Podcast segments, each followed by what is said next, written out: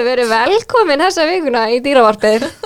Hérna, með ykkur er Eva Maria og Og Berglind og Arna. fengur sér satt til okkar við Mælanda, hana Örnu dýralæknir frá dýralæknarmiðstöðin í Gráraldi og hún ætlar að ræða við okkur í dag um viðfóksefnið sem að eru flækingshundar og dýraatkvarfið á Íslandi. bara flækingstýr. Já, flækingsdýr. Okkur fer ég alltaf í... Við tölum alltaf bara um hunda. Rokkar heimur. Já. Þannig að til að byrja með bara, þú varst bjóstuð í Slóki, eða þú lærið þess að, vill ekki bara fara í gegnum ferðilegast með dýralækna námið þitt? Jú, ég sem sagt byrjaði í Nóri. Þetta er svona joint program millir Noregs og Slovakíu. Þannig ég tók eitt og hálft ár í Nóri og eitt og hálft á í Slovakíu og þá var ég raun að koma með bachelor í Animal Science. Og svo er það þrjú ári viðbót í Slovakíu og þá er ég án dýralæknir. Þannig og hálft ár í Slovakíu. Ok, og hvað, af hverju valdur í Slóki? Uh, ég var bara að heyra af einhverju sem voru þar. Það voru ekki margir Íslendingar þegar ég byrjaði í þessu prógrami. En svo er það rosa margir núna. Það var yfirleitt, þú veist, maður hugsaði bara fyrst, þú veist, Danmörk, Norröður. Það er bara mjög erfitt að komast þar inn í rauninni. Já, í þá Danmarku og Nóri? Já. Já. Ok, og þú hérna bjóst sem svo þá hvað lengi út þessi, fjögur og hálft ár? Já, ég sná með sex ár, Já. eitt og hálft ár í Noregi og fjögur og hálft í Slóki. Ok, Hvernig fannst þér svona menningarmunur í kringum dýrahald? Fjöxtu eitthvað svona menningarsjokk að sjá dýrin út á göttunni eða? Já, sko, náttúrulega mjög gott í Noregi. En svo þegar maður veitur Slókíu, ég var sætt í borg sem heitir Kosice, það var ekki mikið um, þú veist, flækingstýr inn í borginni, en svona í útjæðri borgarinnar og svona minni bæjum, þar voru svolítið mikið að flækingstýrum og svo fara þau, veist, í sjaltir sem eru líka þá í svona útjæðri borgarinnar. Er það þá hundar og kettir eða? Já, hund, já, já, alltaf sem ég veit bara hundar og kettir, svo er ábygglega líka önnur dýr sem eru sett út, skaninur og svoleiðis, maður veit það ekki, veist, ég veit það ekki. Hvernig var svona ástandi á þessum dýrum almennt? Mm, ég fæ sem sagt kísun, sko, ég er með sem sagt tvær, tvö dýr, Milli og Míu, hund og kísu. Uh, þegar ég fæ Míu þá er rauninu bara að segja bara auðlist á Facebook, kísa, búa takur hún augað og ég veit ekki alveg hvort það var svo bara mikið síking eða hvað, annað kom upp á og þá er það bara getur einhver tekið hana eða hún fer aftur út á götu eftir aðgerð. Þannig ég bara, ok, komið með hana og hún kom til mín. og hvað var hún gömul þá? Sko, ég veit einhvern ekki hvað hún var gömul, það er svolítið erfitt að segja, hún var náttúrulega bara lítil og grönn og nett, hún hefur verið, þú veist, ungkissa, en kannski einast tveggjára. Ég ágast sem sagt að hún sé fætt bara sama og hundurum minn, það var bara stóð í passportin hennar, annan mars 2019, þannig þær eiga bara báður ammál þá. Ok, Það var bara ákveðið. Já, Ok, hvað segir, halda fram? Hvernig Já er? uh, hún var ekkert í, þú veist, hún fekk ormatöflu og svona hjá mér, þá kom bara strax ormar úr hún og svona og var grönn, ekki góð í feldinum, öll í sárum, svona er lítil í sér, þannig hefur ábygglega, þú veist, lendingur slagsmálum og svona, hann þannig búið að taka úr hún auga, greið. Lært hann þá einhverju slisi og var fundin, Sko- tekin inn út af því eða? Það var bara sást bara, þú veist, ég fekk mynda henni, þú veist, áður og þá var bara auga hennar mjög illa farið, ég veit Já. ekki af hverju var orðið svona illa farið, sýking eftir, þú veist, bit eða hvað, en það sem kom í ljóstu, hún var líka veik svo setna, þannig þá fer hún í röngun og eitthvað svona á dýraspítalunum og þá er sér að byssukúla í henni. Þannig ég veit Oh ekki God. hvort að þetta sé, kannski var hún skotin, ég veit það ekki, og það var þess að var augatekin, hún er alltaf með byssukúla í sér í dag sem var ákvað að taka ekki út af því að hún er bara þannig stað Hva, hvað er byssukulan stödd? hún er sko, þegar maður tekur röngan þá sér maður eiginlega hún sé að ég veit eiginlega hvernig ég að segja í vöðvunum í vöðvunum hjá hérna bara veist, það sem lifrin er í rauninni veist, í, En ekki nált auganu eða? nei, nei, hún er bara með það í, þú veist, abdominal cavity í rauninni En Sem að ég- enginn skilur nema Nei. dýrlæknamál. já, hún er satt með þú veist, bú- kúlu í sér þú veist, það er svolítið erfitt að meta hvar hún er nákvæmlega staðsett en þegar maður tekur röngan af kviðurhóluninnar þá sér maður bara þessa kúlu mjög vel ok. En svo var ég bara í sjokki því fór með hana bara, oh my god, það, þú veist, búið skjóta á hana og þá sagði dýrlæknar mér að þetta er mjög algengt.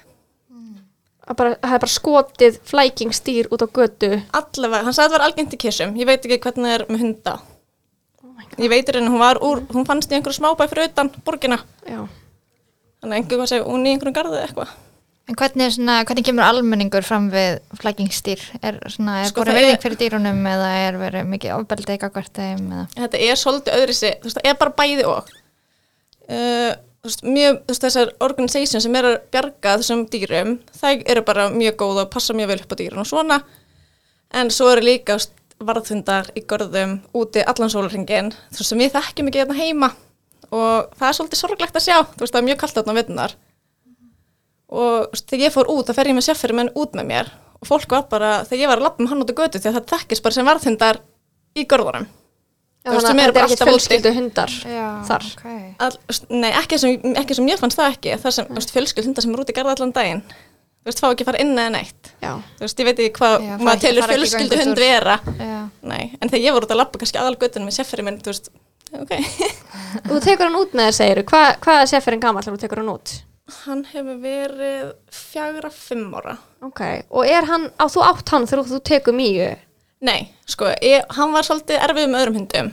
Ok, þannig að ef hann hefði verið með góðum, hundu, góðum öðrum hundum það hefði ábygglega verið komið miklu fleiri dýrin á heimili áður en eftir að hann deyr, hann deyr sér satt um vor ég kem heim yfir sumarið og þá fæ ég sér satt milli en annars hefði ég ábygglega verið komið fullt hús af dýrum. Þetta er bara, Já, þú veist maður þetta er að mikil- já, mikil grei og þú veist, já. Ok, og hvað, hvað ertu búin að vera lengi úti þegar þú farið mjög? Og já, svo ég fæ milli og undan Ó, farið milli á endan? Já. Milli kemur til mér bara daginn eftir, eftir sumafríði með ett kem ég út, þá er ég búin að tala við konu sem er svona tengi liður. Kemur bara daginn eftir. Ég lendi, keira frá Budapest yfir til Slovakíu og bara strax daginn eftir kemur hún. og varstu það búin að búa í Slovaki í hvað árið eða? Uh, byrju, þetta var fyrir sjötta ári mitt. Ok, Þannig, já, Það- í einhver ár. já Þannig að þú, þú vissir alveg, þú varst alveg með íbúðna úti Já, já, já. búin að missa gamla hundin þinn, sérferinn og varst bara leiðinni aftur frá Íslandi til Slovakíu Ég gæti bara ekki ímynda mér að vera að nóti með einhver hund. og Og líka til núna gat ég actually, veist, tekið af mér, veist, dýr sem þurfti á því að halda. Ég bara hefði ekki getað gert það með hann, hann var hann gamall og svolítið grömpi með öðrum. Já, En hann fór sem sagt, hann fór endar til Íslands einu sinni í millitíðinni, ég flytti hann tvisvar út. og meðan hann var á Íslandi í eitt ár, þá fórstaði ég tvær kísur, eina sem ég fann úti bara og eiginlega, veitt hana. Úti. Hún var svona freka vilt í sér, hún var með kettlinga. Og þá var ég sagt með þetta gott heima og hérna, þú veist, ég gæti að gert það þá.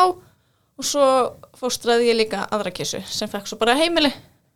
Ok, og oft eru, það er hérna, eins og ef kvolpar er að finnast, bara heilu gotin, þá er svolítið erfitt að setja það, þessa hunda og kvolpa í sjaldarinn, það sem er mikið að parvó, sem er mm. mjög hættulega sjúkdómur sem hundar geta fengið. Mm -hmm. Þessin er reynd að finna frekar einhvern sem getur tekið við þeim áður. og Milli var þannig Já, hún í raun og því hafði oft verið í sambandi við þessa konu veist, með að reyna að hjálpa að finna okkur svona mm. og hún vissi af hvernig, veist, að mér langar að að hjálpa núna veist, ég hafði tækifæri til þess og þá sendur mér bara, þú veist mynda af Milli og þá sá, fyrsta mynda sem ég sá henni, var hún, þá var hún, þú veist, ég veit hún vissi í rauninni sjálf ekki nákvæmlega sögun hennar bara fannst út þessum kvolpur og þá hafði einhver tekið við henni í Sveitabæ. Þannig fyrsta myndin og vídeo sem ég segði henni er hún bara að leika við lömp og þá var ég bara oh. og sem sagt daginn eftir ég kem aðna út þá kemur sem sagt bara kona keirandi opnar skottið og þá stekkur hún upp úr í fangi á mér og þá vissi ég samt alls ok þú veist, hún er að vera til framtíðar það er ekkert skamtímar heimilið þá. Nei, og svo er mitt bara, ég man ekki, einu með tvei mánuðum setna sé ég mitt bara mynda mýju, þú veist, hún verður sett út, veist, það getur enginn tekið, við erum búin að reyna, tekur enginn við henni, var náttúrulega tekin af götunni og ég held að hún verið tekin á samband og tekið augað og þá var ég bara, ok, tök allavega, þú veist, hana til skamstíma, en hún er, það eru bara komin til Íslands. og hvað er langt, það er komin, hvað það er 2019 þannig að Já. það er búin að vera hér í tvö ár Það veist, já, ég útskrifast 2019, já, það er stjók, það er fættust 2018, það var búin 2019 áðan. já, Þannig ég var búin að vera með þér í ár, þú ok. veist, tæft ár, það er um haustið og flytt til Íslands yfir sumarið. Mm. Þegar ég er búin í náminu. og síndi það enga grimdi eða neitt svona villi eðli í sér þú Ekki það? neitt, ekki neitt. Það er svo oft kísur sem hafa ekki, Já. þú ég veit ekki alveg sög, þú ég veit náttúrulega ekki sögunar þeirra.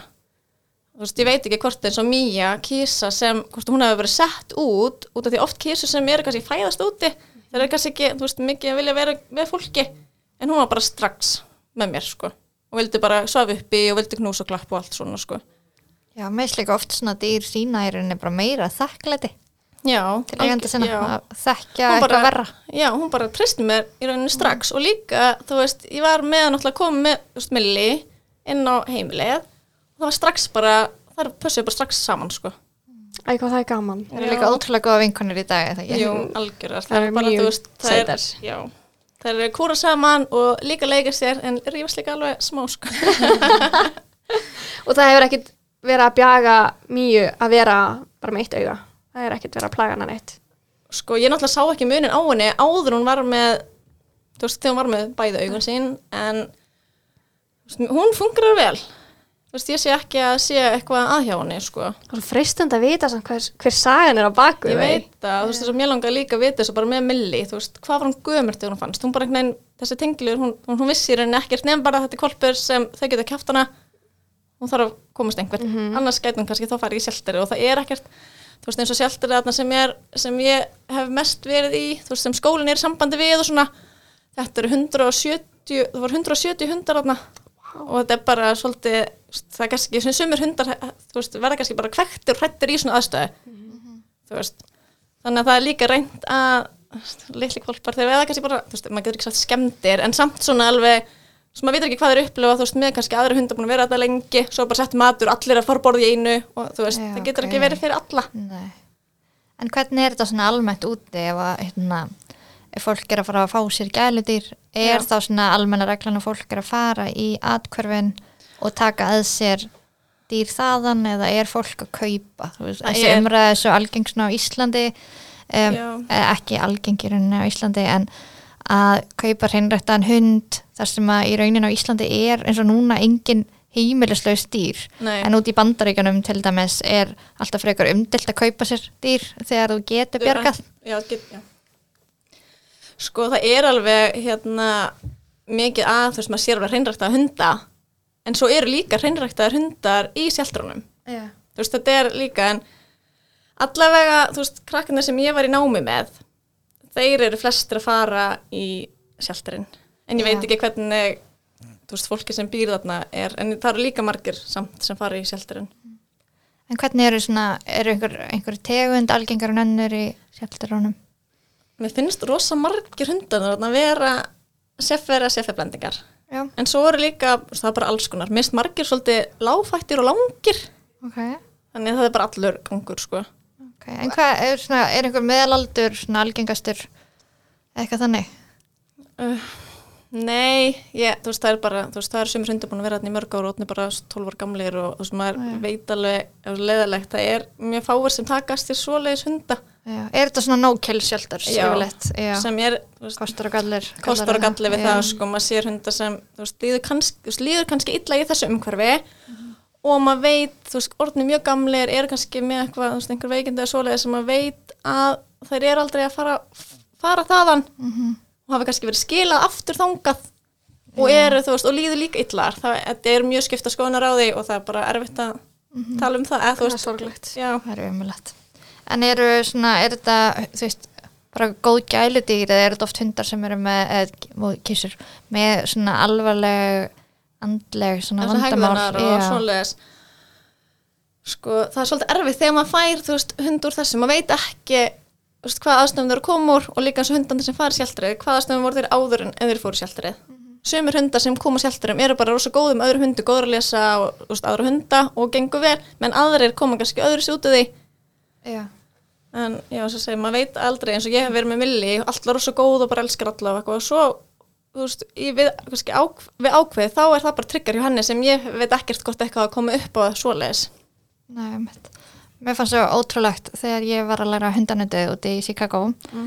Það var skólinn í dýraðkvarfi og þetta voru næstu því bara svona búlíblendingar já, og það komur svo ótrúlega óvart hvað margir hundarnir voru svo einstaklega ljúfir voru svo Já. góðir. Og við vorum hann að, þú veist, að læra hundanut við sem ekkert hvað vorum að gera kannski fyrstu skipti og maður er hérna, herðu, já, kondi hérna bara hérna er bara hundur úr atkvarfi sem að er, þú veist, við veitum ekkert hvað hann hefur gert og að nú er þið bara verið á fjögur og nuttan í hálftíma. Og þeir bara dýrku þetta. Lágu bara og þú veist voru svo ljúfir. Og mér finnst það í rauninni það var undantekning að hundarnir þar væri eitthvað svona hrættur og fólk og svona, þetta kom mér ótrúlega óvart. Man gæti pælti líka í því að vera pröfudýr fyrir nutt. Já, Bara Nei, sign me up, sko.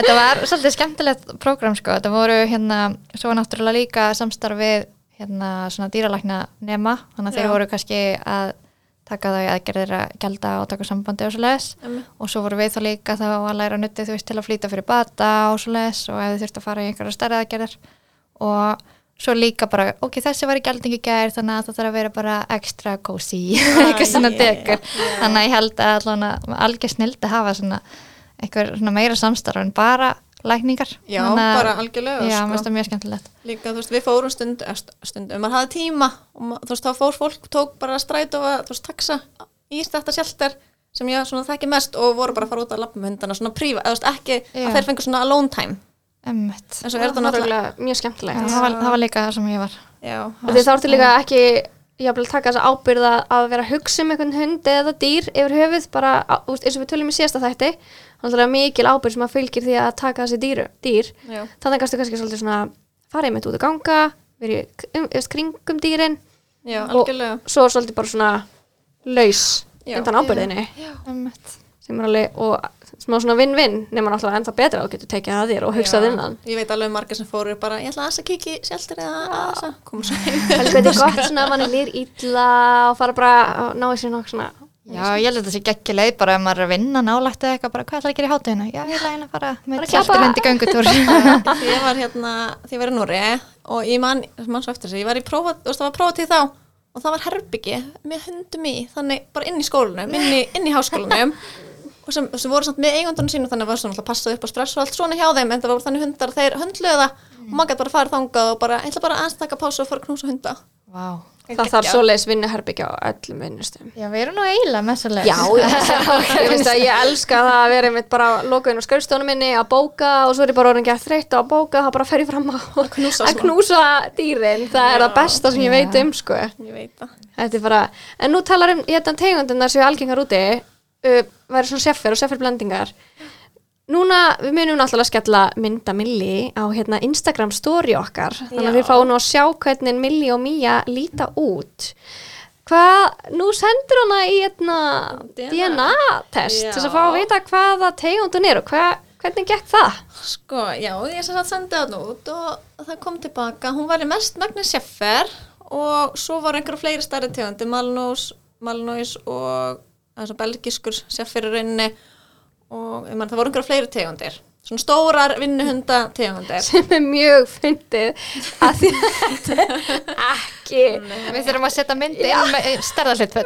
já, en ég er líka bara, já, bara, já, sjefferblending í dag. Ég bara minnsta sefferblending sem til Já. er en þú veist, hefði þið grunað það eitthvað þegar það tókst milli að það væri seffer í henni Nei, alls ekki, en svo, ég veit ekki neitt um þetta fyrirtæki, ég sá þetta bara, þú veist, hérna á Instagram eða eitthvað, og prófaði bara að taka þetta bara svona munnvast svap Já. og senda út, en eins og segi, ég veit ekki, þetta á, sem þetta á að vera, nei, Já, hérna, það er alltaf óslega gána því en náttúrulega Mía er bara svona heimilskvættur Já. Hún- hún er bara basic basic blenda en ógeðslega sætt það er algjör dúla.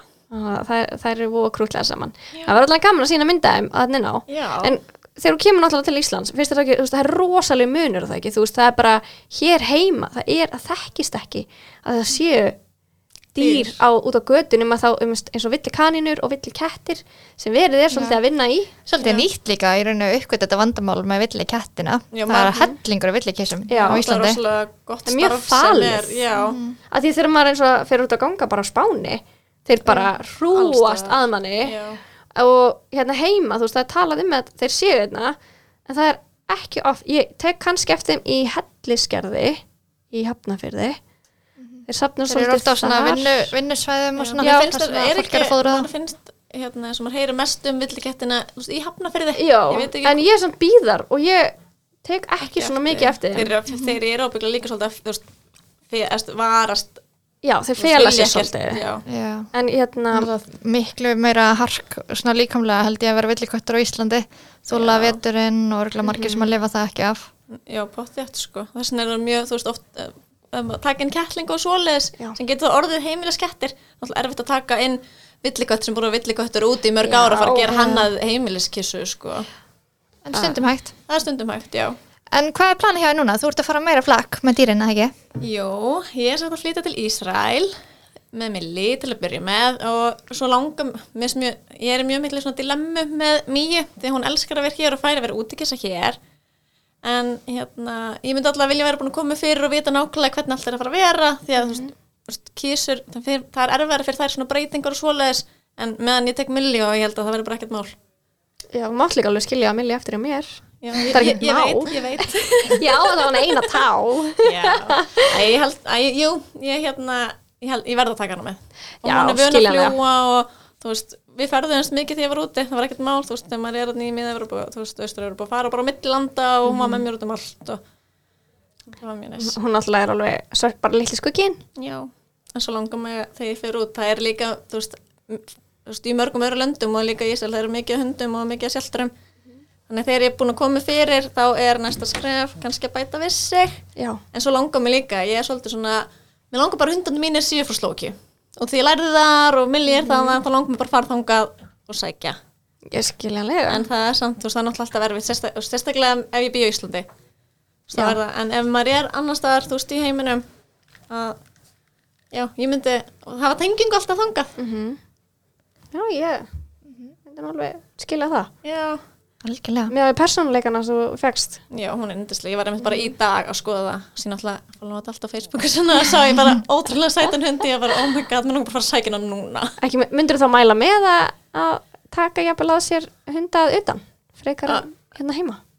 Nei, ég, veist, ef það eru hundar hérna heima sem vantar heimili þá myndi ég, þú veist, þú veist það er svolítið erfitt samt að segja, en ef þú ert kannski býrð úti og færður hund þú veist, í það landi sem þú ert í þá er það náttúrulega annað en það er held ég erfitt að búa hérna heima og fara, þú veist og flytja inn hund og sjálteri það er alveg gerlegt Styrta einangrun núna í Keflavík. en svo vil maður líka sér líka þú veist, þegar maður er að fá hund úr svona aðstæðum vera búin að kynnast hundinum, því að Já. oft tekur maður til skamstíma og svo það gengur ekki alltaf upp og fara að flytja hund og hvort hann sé kandidat til þess er hann að fara að meika verið í einangrun, Já. allt svona En talandi um dýr og atkvörf, þá erum við komið með annan gestina og þú kannski verður bara áfram hjá okkur Já. í því.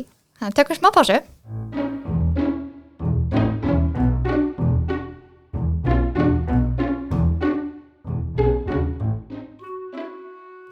Jæja, þá er hún Dóra komin til okkar og hún er svolítið út af því Af að því að hún... Arna var það ekki. Já, miklu skemmtilegur en hún er sem sagt ásamt fleirum að stopna dýraatkarf á Íslandi. Þannig að þú kannski segir okkur smá frá því. Já, ég heiti Dóra Áskistóttir og er ein af stopnendum líflökku dýraðkvars. Uh, þetta er unni uh, byrjar hjá svona bara litlum hópi fólks sem að var búið að ganga með það svona í maganum að, hérna, að stopna dýraðkvarf og höfðu eh, sagt, nokkur úr hópnum, ekki ég, uh, höfðu farið út og kíkt á dýraðkvarf erlendis meðal annars hérna dýratkvarfið sem að var byggt utan um svínið Ester. Kíktu á það, það heitir Happily Ever Ester. Er og hérna, þau Hva- Facebook, er það er mjög krútlegt það er í bandaríkjunum. Ok. og það voru sér satt uh, par, tveir menn sem að hérna fengu sér mínisvín og ég ger einan gæsalappa mínisvín þeir held að ég vera að fá sér mínisvín og áttu heima í lítilli íbúð í New York. Og svo bara stækkaði svínið og stækkaði og stækkaði og hérna passaði náttúrulega ynga veginn þarna inn hjá þeim. Og þeir bara fjallu svona algjörlega fyrir þessu svíni og, og hérna Er fæði sér líka bara míní svín í ykkur íbúð bara. Það er fullt af fólki. Já, já, fólk, tekur alls konar skyndi ákvarðanir. En, hérna, en já, það endaði sérst með því þeir náttúrulega vildi ekki slátra svinnu en þau eru náttúrulega gríðarlega hérna, gríðarlega klár og skemmtileg og þetta var bara náttúrulega þessi ein, einu fjölskyldinni og þeir stopnuðu dýraðkvarf sérst flutt út í sveit og voru með dýraðkvarf þar. Og nokkur er sérst úr okkar hóp fóru þarna út og kíkt á þetta atkvarf Bá hvað ég væri til í það. Já, ég, ég hefði verið mjög mikið til í að fara með á sínum tíma. Eina, þá var ég ekki orðin parturinn af, af Já. þessum hóp sem var þarna, sko. þeir búið hana núna með hérna Ester og hérna Kalkún. Já, Og já. hindi. Er kalkutanna líka? Ok, á heimilinu hjá þeim sko. Já, Búið bara svona búkarði. Þetta er geggja. Hann vil það svona leggjast á þá. Já. Knús og klapp. Kalkunin þá eða? Já. já, þeir eru með Facebook síðu, ekki Esther the Wonder Pig. eða- Já. já. Það er útrúlega skemmtilegt að fylgjast með þeim. Ég hérna, er alveg áskrift af, af þessu atkvarfi þarna. Já, ég líka. Ég þarf að komast í það. Mm hérna, mæli með því. En já, við sér satt hérna, vorum bara með svona spjallhóp og búin að hérna, vera svona með alls konar pælingar. Um, svo var svo sem ekkert búið að vera að gerast hjá okkur í ykkur tíma þegar að hérna, ég sé auglýsinguna um snæ. Og það er hérna hestur sem var auglýstur eh, til sölu. Og hérna, þá hafði hann sérst verið í tamningu, búin að að, hérna, rekja einhverja baki og svona. Og svo skildi hann tamningamannin sinn eftir eitthvað stórt í móa.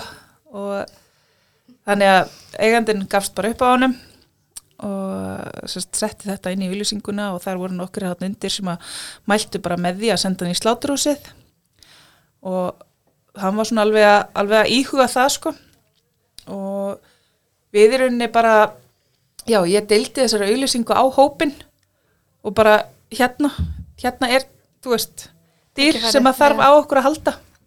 Þú veist, dýr sem að þarf á því að halda einhver leifunum að vera bara sá sem hann er þannig að við bara höfum samband við eiganda snæs eða fyrir með eiganda snæs núna og brunum Norrland sækjum hann og eiginlega bara, já stopnum dýrat hverjan í bílnum á leðinni Geggja. Voruð þið bara fenguð í lánaða hestakjæru og bara, eða voruð þið komið með eitthvað svo leiðis? Nei, nei, ég bara legði hestakerru. En varstu með eitthvað húsnæði? Nei, Nei, bara, bara náður í hest og plantaðar honum hvar? Heyrðu, ég hérna, ég, ég hugsaði nú reyndar alveg um það fyrirfram, sko, að hafa nú eitthvað stað til þess að setja hann. Ég hafði samband við vinkunum mína sem er á kafi hestum og hérna fjekk að setja hann á tún þar sem hennar hestar eru. Og hérna þannig að við bara brunum hann að norður í land og sækjum hann og brunum svo með hann austur fyrir fjall og sleppum honum þar á, á mýrina heiti það, það sem alveg rísa, rísa, rísa svæði sem að þau hafa út fyrir að það sé alveg 200 okkar hektara sko sem að þau geta, geta hlaupið um bara Ok. Geggja. og hérna já, svo í rauninni gerum við í sjálfu sér voðalega lítið annað heldur en bara að byrja svona að sapna peningum og svoleiðis, hann er náttúrulega bara frjálsatna út í haga og nema þarna út í haga þá kynnist hann uh, öðrum hestum og meðal annars mér í eigu vinkonu minnar sem að uh, kastaði fólaldi sem átt aldrei að koma undir. Það slapp sérst graðhestur í hólfiðunar þarna áður og, hérna, hún kastar hérna fólaldi sem að átti ekkert að verða til og engum vandaði og hérna og vinkonum mín hafði ekki tíma fyrir. Þú veist, hún var með aðra hesta í, í tamningu og, og uppvexti og svona sem hún var búin að plana þannig að hérna, og þau tengjast svona svaklega vel, þau verða eiginlega bara svona lítil fjölskylda, Æ, snær og hérna meirinn klukka og svo fólaldið og hún ákvaða að gefa okkur fólaldið í dýratkvarfið og að því hún fekk að lifa þá fekk hún nafnið líflökka. Já, ok. það er nafnið sérst komið frá hérna vinkonu minni. Og já, svo bara ákvaðum við svolítið setna að hérna, nefna dýraatkvarfi bara líflökka af því það væri bara mjög passandi fyrir það sem við erum að gera. Já. Já, mjög. og hérna, já, þannig að þannig fengum við hestana tvo, líflökku og snæ. Og erum svo búin að vera með þau á húsi hérna í bænum í vetur. Uh, tókum þau inn bara seint í byrjun veturs núna síðast. Uh, bara, þú veist, þegar fór svona versna veður og svona þá vildum við ekki hafa þau úti eitthvað starf þar sem við vissum ekki hvernig væstu um þau og bara leiðum pláss í hestúsi hérna í bænum og skiptumst á með hinnum sem að eru með hestaðan í húsinu að móka út og, og svo leiðis og skiptumst á bara innan okkar hóps að fara, reyfa þau og hérna, já, dunda okkur svolítið með þeim og kempa og snirta og Og er það hópurinn sem að er, í, er með dýraðakvarfi? Uh, já, við höfum skipst á bara okkar á milli að sjá um okkar hesta en svo mm. höfum við skipst á verku með líka bara restina hesthúsinu þannig að það þurfi ekki allir að mæta í Já. hesthúsu á hverjum einasta degi til þess að búist móka út og svona Mhm. um, Já. með okkur verkaskiptingu þar bara. Þannig að þú ert í hestum. Uh, ég var í hestum fyrir mörgum ára síðan en svo hef ég ekki átt hest sjálf í alveg, alveg einhver ár sko. Ok. Og Þannig- þróast það svo bara yfir í, í hvað? Að bara yfir í starra atkvarfi eða er, er þið með mikið að dýrum eða Nei, veist, hvern, við, hvernig virkar? sko við erum í rauninni hérna, ekki komin með nein önnur dýr heldur en hestan okkar Ok. um, við erum bara að sapna Já. sapna peningum Og eru það bara fjármagni. safna með peningu bara til að fara þá að opna húsnaði til þess að geta tekið á móti þeim? já, Er uh, það, ég hugsa um þetta verður svona eins og úti eins og þú veist, að tala um Arna, þú veist, Já. er þið þá stefna að hafa þetta svolítið svona að það- fólk getur bara komið og ættleitt eða sko, tekið að sér dýr. tekið af sér, að sér dýr? já, sko við hérna, það er svo sem ekki komið svona alveg endalegt plan á þetta hjá okkur. Uh, núna er rauninni bara verkefnið sem við erum í er bara að leita okkur að og sapna okkur fyrir um, landi eða húsnæði. Og uh, við erum svona vonast eftir því að uh, geta einhvern veginn komið þessu undir ríkistyrk.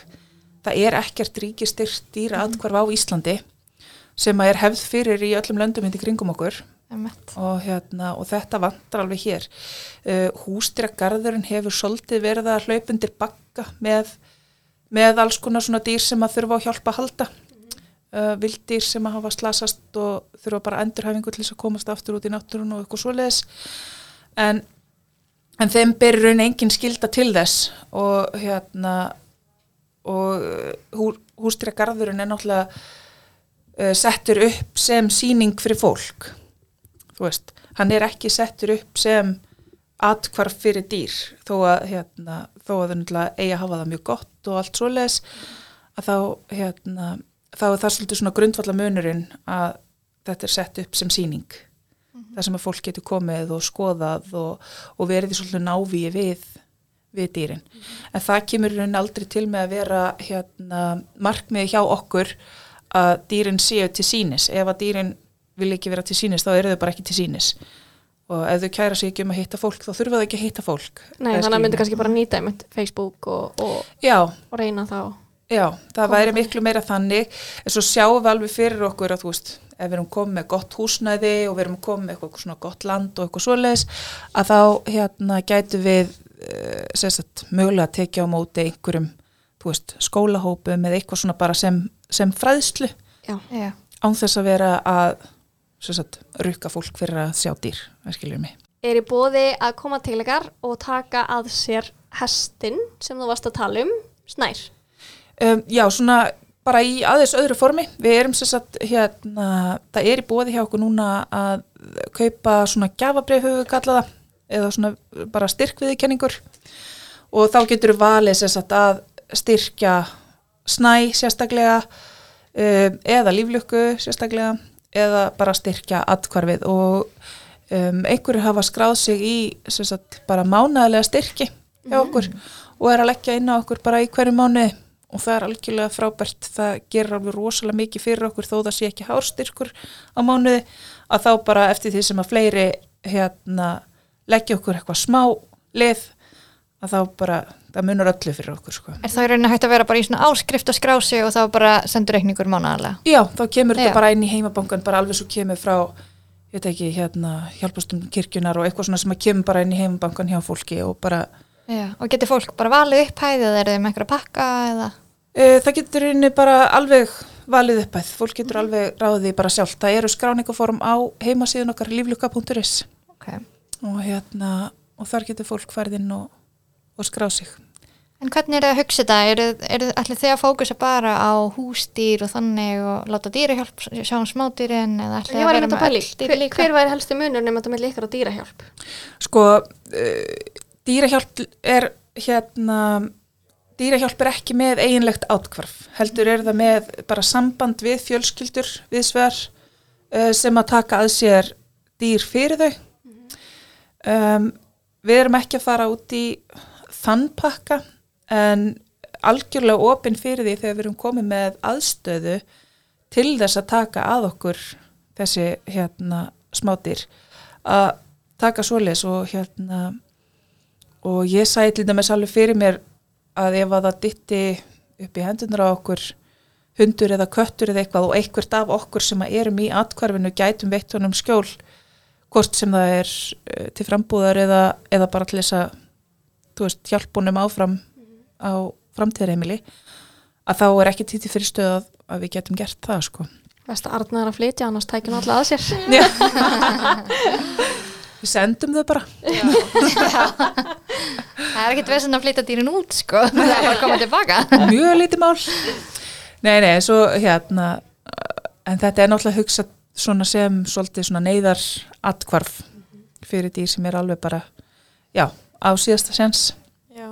Það er ekki villi kettir, þeir eru alveg með lítið húsnæði fyrir Þau eru held ég að leia hesthúsapláss já, og Já, eru bara með ketti þar, ég var einmitt að lesa einhverju fréttumundum daginn, hérna þau eru að leia þar aðstöðu þar sem við geima kísunar í rauninni bara mjög stutt kannski beint eftir aðgerð meðan þeir eru að fá verkefleif og vera að fylgjast með þeim og sleppa þeim svo aftur út Ok, og svo held ég að þau séu meira með svona fólk sem er að taka þessi tímabundið þar til að fara framtíðar heimili eða þannig það var hægt að vera einmitt sjálfbóli hjá þeim Já, og, og eitthvað að vera að hugsa um þau. já. En hver veit kannski fáum við Já, við þurfum að fá einhvern frá þeim til að kynna okkur þetta betur. Já. En- ekki spurning. Ég, ég er meitt sko uh, núna þegar fólk hefur verið að hafa samband út af köttum eða hundum eitthvað slíkt þá hérna, að því við höfum ekki haft aðstæðuna til þess að taka þau eins og er að þá náttúrulega bara bendum við á, á þessi félög sem að, sem að eru í þessu þessi sérhæfðu samtök. Það er líka svo flott núna ymmett að menna þetta er ekki ríkistyrt og þetta er svona fólk bara að hjálpa og eigða sínum tíma í þetta þá er svo gott að öll þessi litlu félög geti bara svolítið saminast og hjálpast að með þetta samilega markmið að hjálpa dýrunum og við erum ekki að hugsa þetta sem eitthvað eitthvað svona persónulegt Já.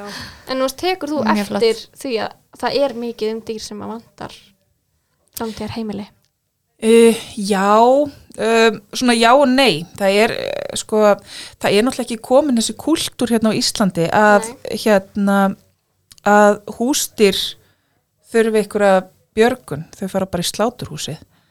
Þú veist, Þa- það er í sjálf rauninni held bara- ég hafi ekki einu hugsa almenn lótið það. nei.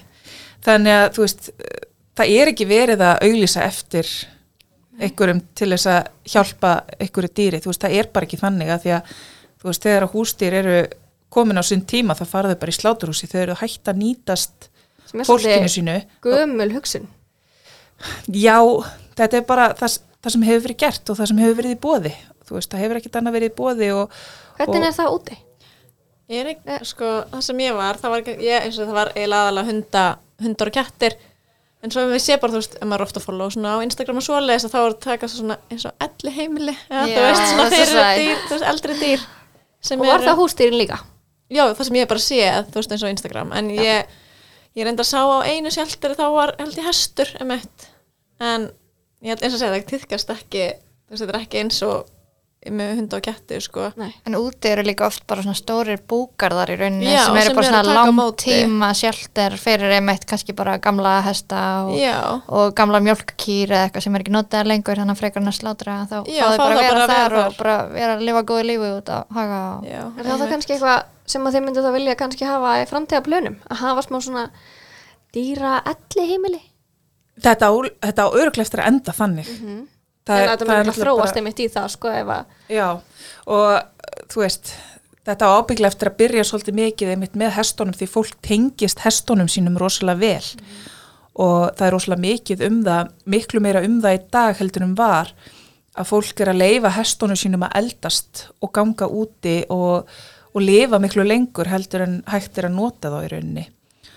Og hérna að því að fólk sem sagt, tengist þessum hestum það er að vinna með þeim, það er með þeim á hverjum degi nánast yfir veturinn og þeirra þeim í hestaferðir og eitthvað svona og þú veist og það er að tengjast hestunum sínum bara sterkum böndum og finnst virkilega erfitt að hugsa til þess að senda hestana sína svo í sláturhús. Já, ég veit að margir hestar eru líka frekar það bara skotnir. Og því að eigandinn getur ekki hugsað sér að senda á í sláturhús finnst það vera einhver vannverðing Nei, akkurat og ég, ég get ekkit frekar hugsað mér að senda hesti minn í sláturhús heldur en hundi minn. Nei, Það er það bara, er mjög áhugavert að setja einmitt upp í svona Já, ég af því ég sjálf er ekki mikið í hestum og ég er ekki mikið með í húsdýrunum, ég er alveg alin upp bara í smádýrunum Mhm. og alin upp á, á dýraspítalum. Þannig að hérna, maður setja þetta svona til sama, sama flokk, það er finnst það magna Það er alltaf spísisum, það er svona Já. hérna, umræða út af fyrir sig. Hvað, tegundahyggja Tegundahyggja, já, Já, akkurat. já. Við Alveg. erum í rauninni öll bara sem dýrin Já, já, á sem plánutu og við eigum að lifa saman.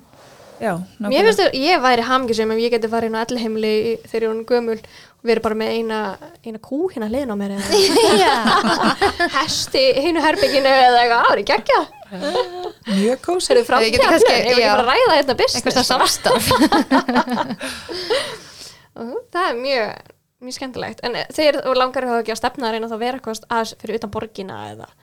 Jú, eh, það er náttúrulega, draumurinn væri að hafa aðgang að svolítið stóru landi, þar sem að hérna, dýrin gætu hreift sig á bara sem náttúrulegastan hátt að hérna, já, á alls konar undirlendi og, og svoleiðis og hérna, þó að við náttúrulega komum alltaf til með að kíkja til þeirra og, og hérna, hyrða um hófa eða klaufar vonandi framtíðinni og, og, og svona þá hjálpar þeim svo mikið að geta farið á alls konar undirlendi, gróft og mjúkt og, og hvað er bara til þess að slíta sjálf hófum og klaufum og slíku. Og hérna en já, það, það væri algjörlega draumurinn að þau gætu bara sagt, verið svolítið til á sínum eigin forsendum, auðvitað auðvitað er það alltaf yngripp fyrir þessi dýr að búa bara á Íslandi. Veist, Íslandi er bara ekki ekki stað, staður fyrir dýr til að búa vilt, þannig við getum ekki búið þeim upp á að búa vilt bara en hérna og gerum okkur alveg grein fyrir því að margir alveg bara hvað, svo bara að fjölga sér og fjölga sér og bara fara út um allt en það er náttúrulega ekki þannig og, og hérna og við komum náttúrulega aldrei til með að standa fyrir því að fjölga þessum dýrum hjá okkur það er bara hérna, Já, Hjálpa alveg, þeim sem þurfa hjálp Já. rauninni. Já. akkurat Hvað er þið margi í þessu? He, við erum, já, hvað, já, góð spurning.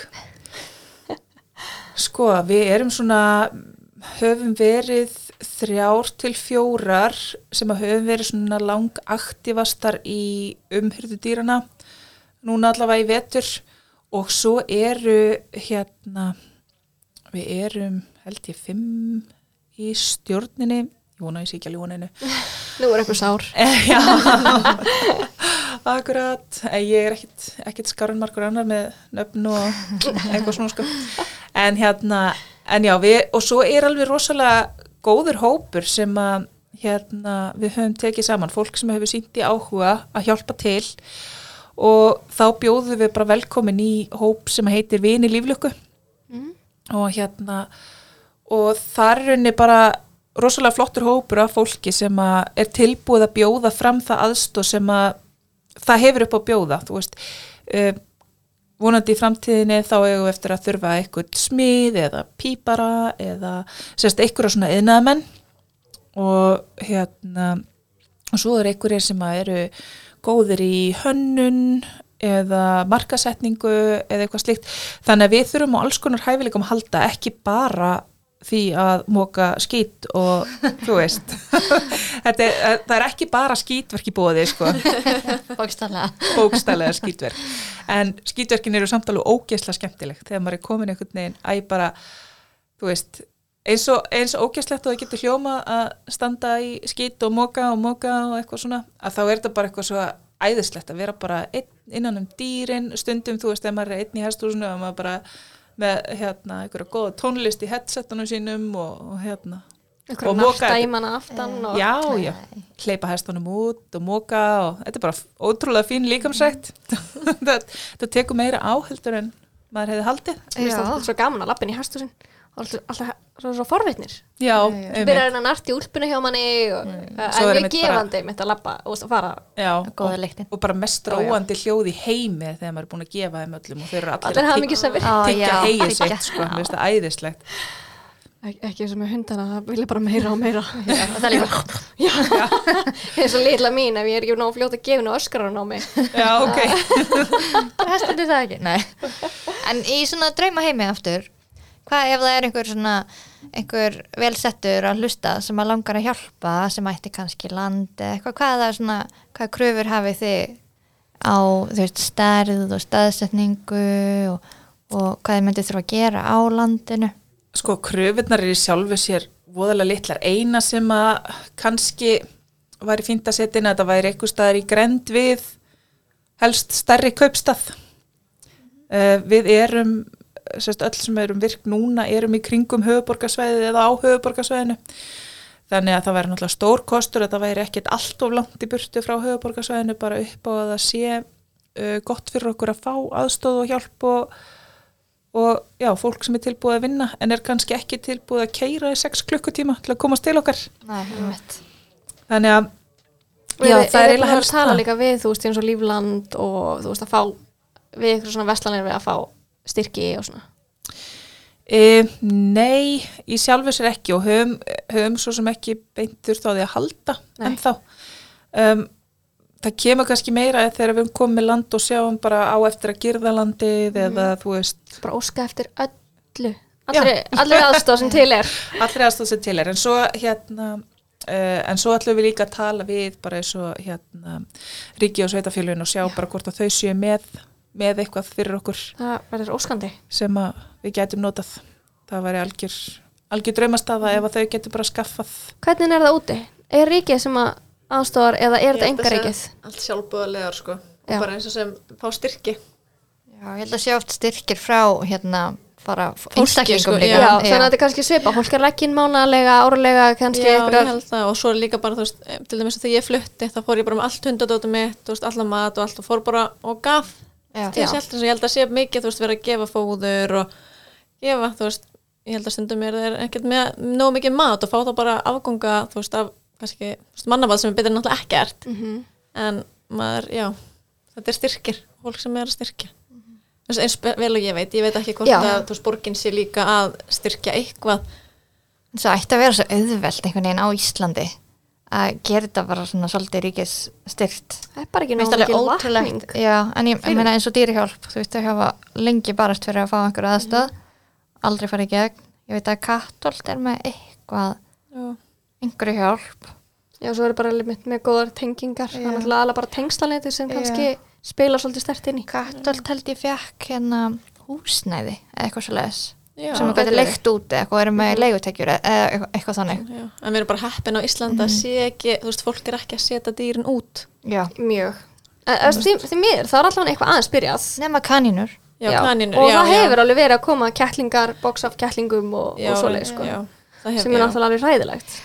það hefur nú líka alveg komið fyrir að það fundist hundar í búri við, pókum. við Reykjanesbrautina Já. og Þannig að þetta þetta bara- hefur alveg gerst sko Já, þetta er bara ekki alveg Ekki svona í talað um þetta. Nei, og ekki kannski, já, um maður, ekki svo miklu mikið eins og úti. Við kannski tökum me- meira eftir þessu sem að vinnum á dýraspítalum Já. að því að því svo veist, á gamla vinnustæðinu mínu þá bara skilja eftir kassi á kettlingum og, og svo bara farið. Farið, Svo ok. mættum við bara snemma í vinnuna næsta morgun og þá bara bóksa þarna.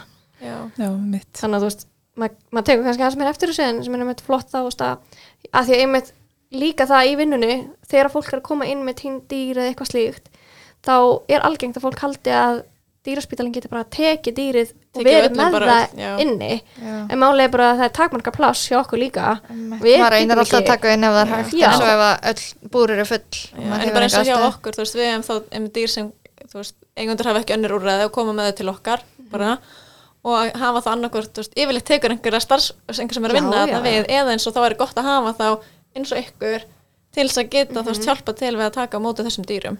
Algjörlega. Starfsfólki getur ekki tekið heldur á móti. Nei, ég er svo Það komin myndi með vilja allt sem að gæti. Er það ekki? Ég, ég var að sapna þegar ég var að vinna til en þú veist, þetta er aðalega húsnæðis vandamáli sko, sem, er eða sem að ég hefði haldið. En svo er líka samt þess að maður hugsa þú veist, fyrir hund, það er miklu betra að fá að hann fari inn á heimili heldur Já, en að vera þú veist, í Skeskibúri og inn, inn á svona, þú veist, en það get þú veist, Það er það alltaf er að vera skamtímalust en það er svo- ótrúlega flott sko, sem er í gangi hjá dýrihjálp með hérna með fjölskyldur sem eru á lista Já, minnst það ótrúlega sniðt og þannig. fólk til að skrá sig ef að það vill hjálpa þeim Einmitt. að vera svona tímabundið heimili. Já, og Það er ótrúlega. Já, oft tímabundi eins og það verður að Já, það er mjög, já, einmitt. Sem er líka bara geggjað og getur þú kynst að stýruninu engin skuldbending ert bara í raunin að passa Já. og svo herðu, þetta dýr bara passar vel inn í mínu fjölskyldu og þá þarf ekki að skila þið og já, það er bara frábært líka svo margir kannski fá sér þú veist, dýr á þess að hugsa alveg til enda Já. og þessi dýr lenda mitt ofta á einhverju þú veist, flakki Já. kvolpar sem eru kannski komnar einhverju gelgi eða eitthvað svona, bara allt í niður er hann rosa orku mikið og svona Já, en já, þá því það getum við tekið við og verið með einhver tíma og bara herðið, hann passa bara mjög vel inn í fjölskylduna já. Það er bara spurning hvort það verður þá kvartningum að kæ- fólk verður kannski kærlust. Haldið þið það? Nei, Nei, það held ég Ég ekki. ekki. Annarkvort er fólk kærlust eða ekki. Já. það, það verður ekki. það ekki af Þetta því það er verður eitthvað ekki, þetta verður ekki svona hugsunin æveist í prófan bara og ef að það virkar ekki þá get ég bara hendunum í dýraðkvarfi. Nei, ég, ég held að það sé ekki. ég held að það fólk hugsi núna að finna ég bara nýtt heimili eða ég læt bara lóðunum núna er. Það er rosalega alltaf mikið til. einmitt bara eins og það er ekki, ég veit, ég get- tala nú ekki fyrir alla spítala en, en spítala sem við vinnum á Já. er til dæmis lóra ekki heilbriðum dýrum Já. heldur frekar hjálpu fólk er að finna nýtt heimili.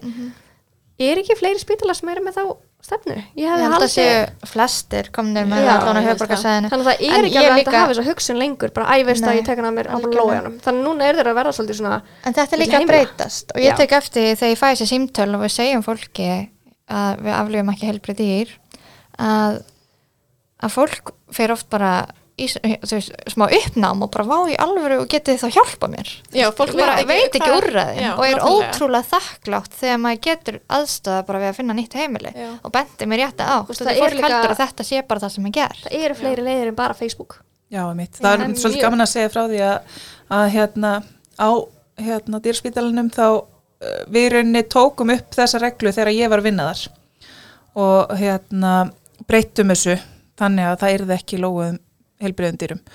Og einmitt, fyrst þegar við fórum að segja fólki bara ef, ef hann er ekki gamall eða veikur að þá hérna aflýfum við ekki og fórum að benda fólki á önnu úræði og sumir eru bara rosalega reyðir Já.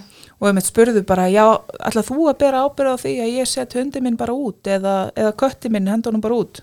Nei, Já, við berum ekki ábyrð á því. Þú berð ábyrð á dýrunu þínu sem eigandi dýrsins þá berðu lagalega ábyrð á dýrunu það er þínu. svolítið svona svo að segja við leikskólan ég nenni ekki að taka barnið mitt heima aftur alltaf þú ekki bara sjóma já, Eða eða bara leikskólinni það- lokaður, já, barnið eða mitt verður bara að vera eitt heima og það er bara leikskólinum að kenna. En þetta er nefnilega svolítið svona, þú veist, eins og mann því var í siðferði í skólanum, þú veist, að banna í mitt, þú veist, að við aflifum ekki heilbriðir, en ef að við aflifum ekki heilbriðir og fólkið, þú veist,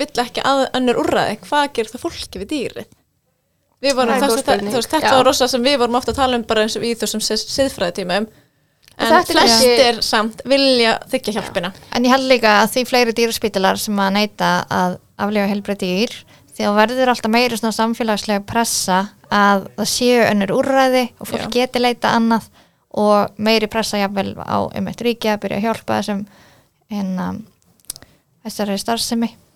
Já, það á, einmitt, það á ekki að þykja eðlilegt eins og þótti að senda dýrin í sveitina aftur innan gæsalappa Einmitt. þegar fólk fór bara létt lóa þeim Já. og hérna og ég bara man komst alveg á því um daginn og það þýðir það já, einmitt, ég, ég man bara eftir þessu frá því ég var krakki þú veist, Já, líka. að hérna, einmitt að vinir áttu dýr sem að voru sendi í sveitina innan ég held að kötturinn minn væri í sveitinni sko. já, einmitt bara svo við mataborðum um daginn þá var ég bara þannig Já. að Þa, það er mitt bara, þú veist, þetta var bara eðlilegt. Þegar fólk nefndi ekki að eiga dýr lengur þá bara, ég að það ætla að útlanda, þú veist, það líka bara, bara- Já. ekki góð lígi þannig sem líka bara fyrir badnið eða þú veist, að því að ég var alveg bara eitthvað um daginn bara, já, Það herðu fór ekki í sveitina. hann fór ekki í sveitina. Nei, einmitt. Það og svo, svo svo eru draumurinn börn líka, nú, nú eru samgöngur miklu, miklu betri, getum við ekki farið heimsóttir nákvæmlega og þetta er náttúrulega bara alveg skelvilega lígi sko. og hérna og bara skelvilegt að þetta þykja eðlilegt og fólk reyn, reynir að réttlega þetta með já ég vil ekki að hann fara á heimilisflakk eða, eða hvað sem er. En í alvörunni, þú sendir dýrið þitt stundum í pössun, veit dýrið eitthvað hvenar þú kemur heim eða hvort þú kemur heim. Það er góða punktur. Þú veist, þannig að fara á nýtt heimili þú veist, auðvitað getur það verið áfall fyrir dýr að fara á nýtt heimili en það er ekki þetta hræðilega ef þú bara gerir smá heimavinnu um heimilið, fræðir nýja heimilið um þarfi dýrsins og hérna, og fullvissar þið bara um að þetta heimili sé hæft til þess að hugsa um dýrið og treystir þessu fólki að þá, Ég- já, mér finnst það flotti punktur hjá þér að því að núna var ég samtali áðan og var, er einmitt kannski flott að vera með smá opna umræðu um hvað það er mikilvægt að fræða nýja hundaeigundur um að vinkunum mín var að hafa sambandið mig. Eh, ekki, ekki drefa mig fyrir að tala um þetta í podcastinu. En hún hérna var að fá sér hund og eigand, ný, eða skamli eigandinn kom með hann bara til hennar í gær og fyrir svo bara. Og hún alveg bara, hvað ég að gera? Ég hef aldrei átt hund, ég hef aldrei átt dýr. Veist, þannig að hún var svona að reyna að fá ykkur upplýsingar. Þannig að hún alltaf sem sagt að, þú veist, ég sagði náttúrulega bara heyra aftur í mannskinni og hjálpa henni að, að leiðbyrja henni. En þetta er svolítið mikilvægt, ef þú ert að fara með hund á nýtt heimili kynntu nýja fjölskyldu eigandunum hvernig hundurinn er, hvað þú átt að gera hvað hann á að borða, hversu ofta hann á að fara út á dag þú veist, Já. ekki líka bara það, jú, auðvitað á hefði hún átt að kynna Að það líka fyrirfram sjálf, og já. spurja en þetta er samt svo mikilvægt, þú veist hann bara, já, gjör svo vel, hérna er hann í farin losn, já. já, þetta var svolítið þannig tilfinning Já.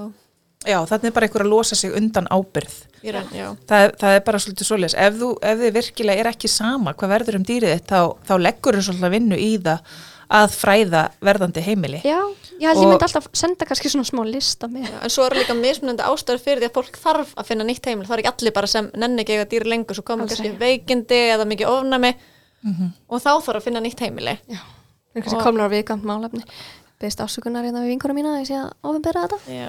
En svo má líka einmitt ekki svona seima fólk og mikið Einmitt, fyrir nei. að þurfa að finna nýtt heimili fyrir dýri sitt og því að það er oft bara dýrunum fyrir bestu að fara á einmitt. stað þar sem er hægt að hugsa sem að um ég er einmitt og búin að sjá mikið einmitt núna á Facebook. Það er mjög mikið um bara og setur einn dýri þá er það bara tekin að lífi.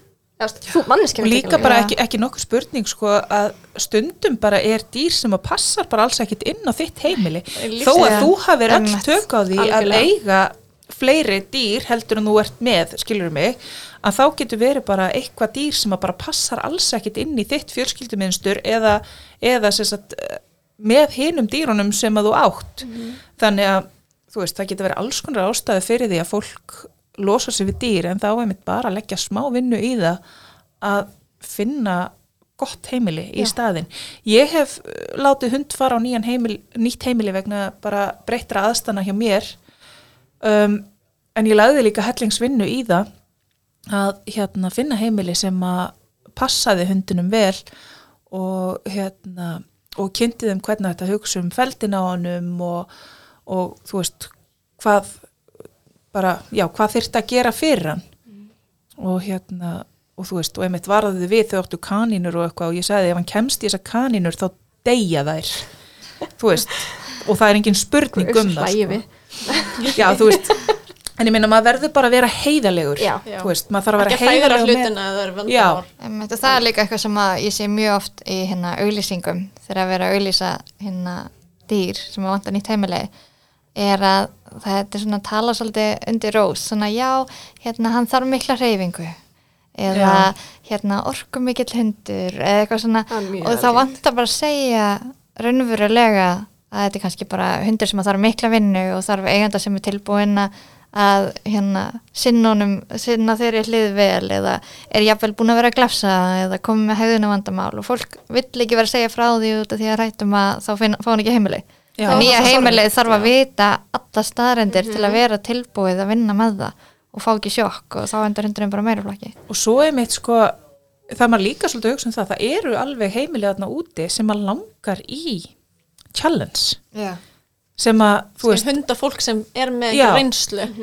hundafólk með reynslu, kattafólk með reynslu, kattafólk sem að, þú veist, hefur díla við alls konar sem að þú veist, sem að sjálfur kannski kann ekkert á og, og einmitt fólk sem að svona horfir eftir einhverjum svona dýrum sem að aðri ráði ekki við og taka þau að sér frekar Já. og með því að vera bara heiðalegur í auglýsingunni og segja bara, þú veist, þessi köttur er búin að klóra batn og býta og, og gera þetta og bara mýgur út um allt og þú veist, mýgur alltaf í sængina mína og eitthvað svona.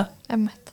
að þá, þá færðu kannski eitthvað sem bara, heyrðu, ég kann á þetta og hérna, ég er bara til í að taka að með þetta. En ef, að, ef þú setur svona kött á heimili eitthvað staðar sem að býst alls ekki við þessu og er Já, taka- og Já, og er að taka að sér fullorðin kött til þess að losna við all kettlingavandamálin Já. Þú veist, að þá hérna að þá náttúrulega bara bitnar það á dýrinu sjálfu sko. En hvar myndið þið setja þá, hvar myndið þið setja línuna? Þú veist, hvenær er komið gott? hvenar ætti að fara bara að lóa dýrinu þegar dýrið er veikt eða bara líður aldrei vel Já. ef þú getur ekki látið dýrinu líða vel alveg sama hvað þú gerir alveg sama hvað þú uh, breytir aðstæðum fyrir dýrið og hérna uh, já, bara ef þú getur ekki látið dýrinu líða vel bæði andlega og líkamlega að þá myndi ég segja að þú verður að gera dýrinu greiða með því að Já, afliða það. Já, þú náttúrulega Berglind náttúrulega ert mjög mikið í hægðunar vandamálum hjá hundum. Já, og og myndið þú fó- segja það einmitt, hvað ef að hundur ákveður allt í henni bara að býta bad sko, það er náttúrulega hvað ég hefur langan tíma. Hérna, það er náttúrulega ákveðið svona ferli sem ég fyrir gegnum með hunda sem eru að sína virkilega svona hættulega tendensa eins og að býta og þá í rauninni myndi ég alltaf byrja á að flokka bitið eftir ákveðnum skala hversu alvarlegt bitið var, hversu djúft það var og í hvaða stæðum og sleikt. Um, ef að hundur býtur til dæmis bara veldur alvarlegum skada þar sem að það þarf að sauma sauma sár og, og bara för, djúp för eftir vítennur í biti og slikt þá er sá hundur aldrei að fara að vera á heimili til dæmis mungum bönnum og slikt um, og ég myndi þá alltaf setja kröfu um að heimili sem fengi þann hund myndi alltaf múlþjálfan sem sagt kenna hundunum að finna skaman að vera með múl í ákveðnum aðstæðum þar sem það er ekki uh, svona í rauninni fyrir sjónlegt hvað hann væri. Um, en ef að bitin eru í rauninni ekki svo alvarleg þótt þetta séu börn þú veist þá ekki það að er hafa ekki alltaf rétt á því að vera að klípa heldur Já. og, og meiða sko. Og líka bara bit og bit er ekki það sama. Það er hægt að þjálfa svo ótrúlega mikið úr hundum og það er hægt að breyta tilfinningum hunda alveg svo hjá fólki.